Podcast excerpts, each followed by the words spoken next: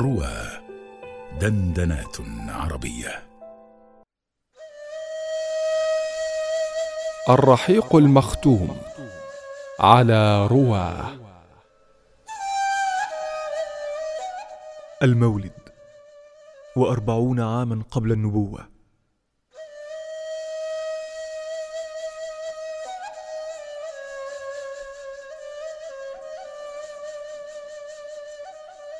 ولد سيد المرسلين صلى الله عليه وسلم بشعب بني هاشم بمكة في صبيحة يوم الاثنين التاسع من شهر ربيع الأول لأول عام من حادثة الفيل. ولأربعين سنة خلت من ملك كسرى أنوشروان ويوافق ذلك العشرين أو الثاني وعشرين من شهر أبريل عام خمسمائة وواحد وسبعين ميلادية. حسبما حققه العالم الكبير محمد سليمان المنصور فوري والمحقق الفلكي محمود باشا. وروى ابن سعد أن أم رسول الله صلى الله عليه وسلم قالت لما ولدته خرج من فرجي نور أضاءت له قصور الشام. وروى أحمد عن العرباض بن سارية ما يقارب ذلك. وقد روي أن إرهاصات بالبعثة وقعت عند الميلاد. فسقطت أربع عشرة شرفة من إيوان كسرى وخمدت النار التي يعبدها المجوس وانهدمت الكنائس حول بحيرة ساوى بعد أن غاضت. روى ذلك البيهقي ولا يقره محمد الغزالي ولما ولدته أمه أرسلت إلى جده عبد المطلب تبشره بحفيده فجاء مستبشرا ودخل به الكعبة ودعا الله وشكر له واختار له اسم محمد وهذا الاسم لم يكن معروفا في العرب وختنه يوم سابعه كما كان العرب يفعلون. وأول من أرضعته من المراضع بعد أمه صلى الله عليه وسلم ثويبة مولاه أبي لهب. بلبن ابن لها يقال له مسروح وكانت قد أرضعت قبله حمزة ابن عبد المطلب.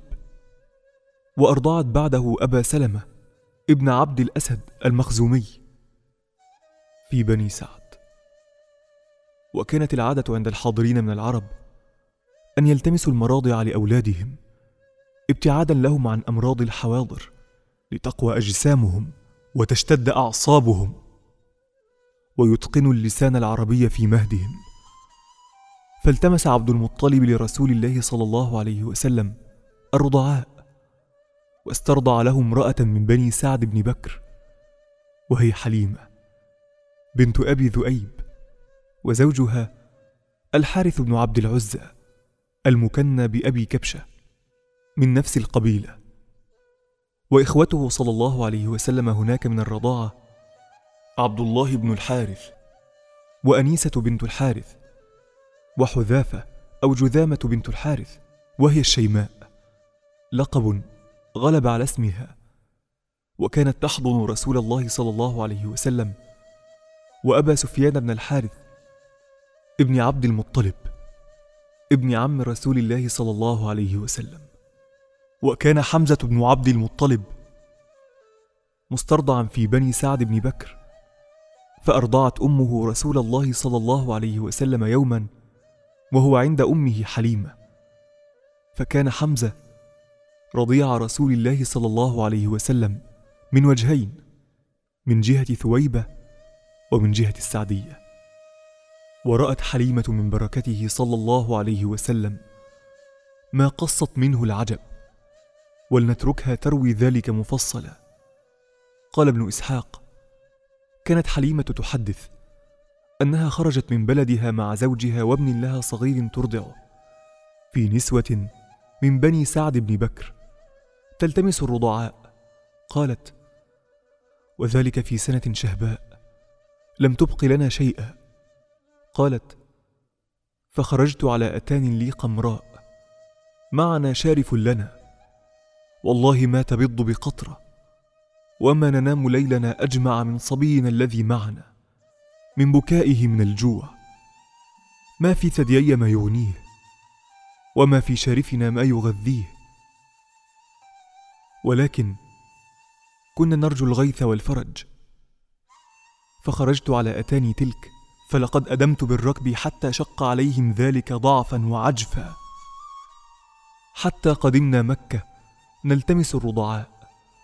فما منا امرأة إلا وقد عرض عليها رسول الله صلى الله عليه وسلم فتأباه إذا قيل لها إنه يتيم. وذلك أن كنا نرجو المعروف من أبي الصبي فكنا نقول يتيم وما عسى أن تصنع أمه وجده؟ فكنا نكرهه لذلك. فما بقيت امرأة قدمت معي إلا أخذت رضيعا غيري. فلما أجمعنا الانطلاق قلت لصاحبي والله إني لأكره أن أرجع من بين صواحبي ولم آخذ رضيعا. والله لأذهبن إلى ذلك اليتيم فلآخذنه. قال لا عليك أن تفعلي. عسى الله أن يجعل لنا فيه بركة. قالت فذهبت إليه فأخذته وما حملني على أخذه إلا أني لم أجد غيره. قالت فلما أخذته رجعت به إلى رحلي فلما وضعته في حجري أقبل عليه ثدياي بما شاء من لبن فشرب حتى روي وشرب معه أخوه حتى روي ثم نام وما كنا ننام معه من قبل وقام زوجي إلى شارفنا تلك فإذا هي حافل فحلب منها ما شرب وشربت معه حتى انتهينا ريا وشبعا فبتنا بخير ليلة. قالت يقول صاحبي حين أصبحنا.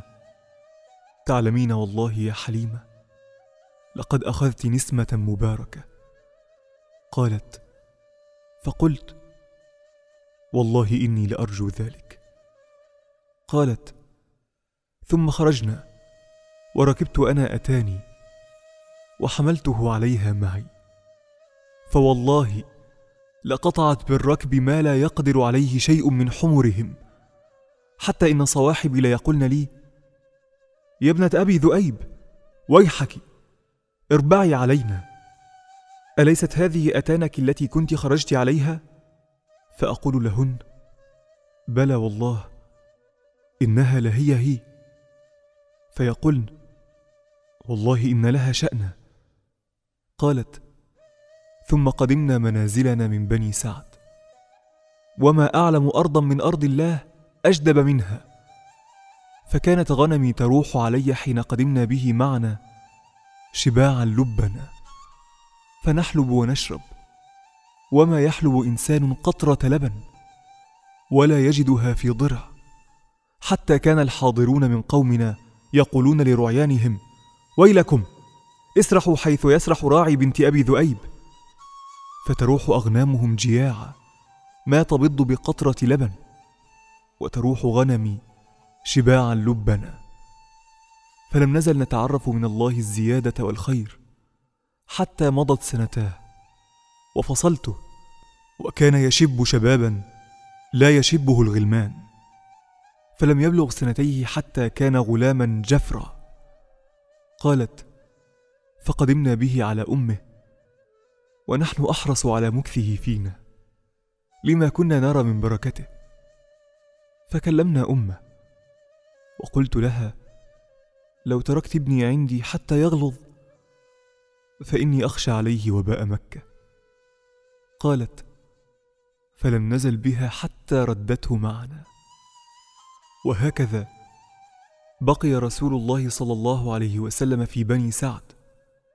حتى إذا كانت السنة الرابعة أو الخامسة من مولده صلى الله عليه وسلم وقع حادث شق صدره. روى مسلم عن أنس أن رسول الله صلى الله عليه وسلم أتاه جبريل وهو يلعب مع الغلمان فأخذه فصرعه فشق عن قلبه فاستخرج القلب فاستخرج منه علقة فقال هذا حظ الشيطان منك. ثم غسله في طست من ذهب بماء زمزم ثم لأمه. ثم أعاده إلى مكانه. وجاء الغلمان يسعون إلى أمه يعني ضئرة. فقالوا إن محمدا قد قتل. فاستقبلوه وهو منتقع اللون إلى أمه الحنون. وخشيت عليه حليمة بعد هذه الوقعة حتى ردته إلى أمه. فكان عند أمه إلى أن بلغ ست سنين.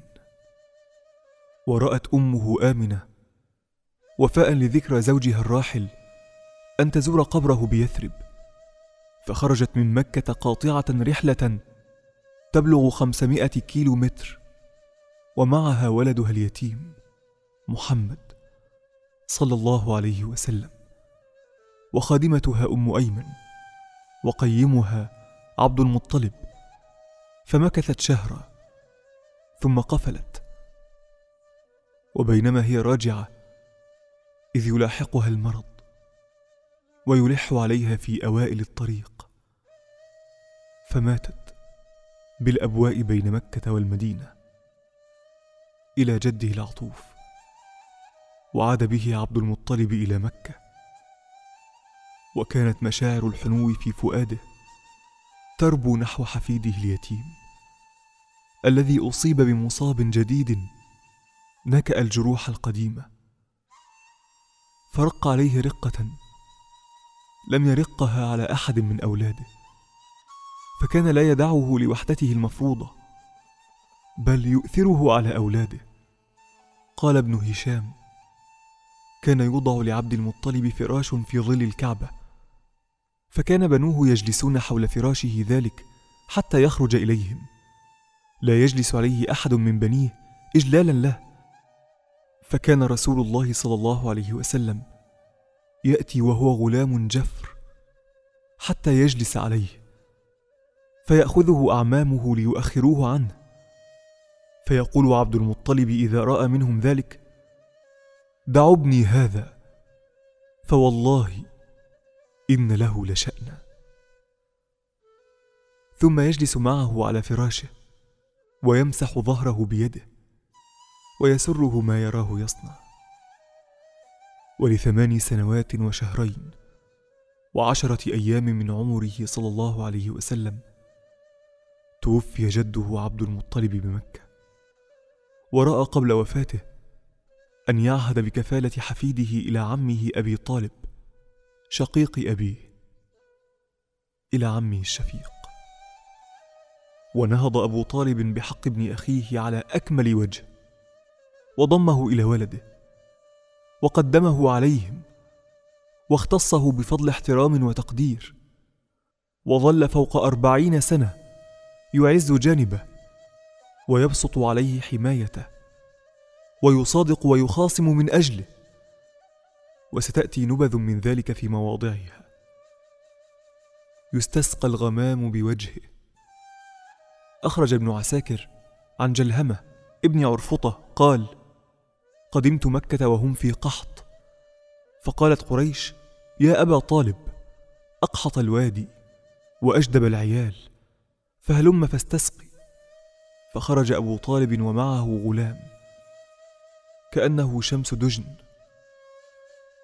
تجلت عنه سحابة قثماء حوله أغيلمة فأخذه أبو طالب فألصق ظهره بالكعبة.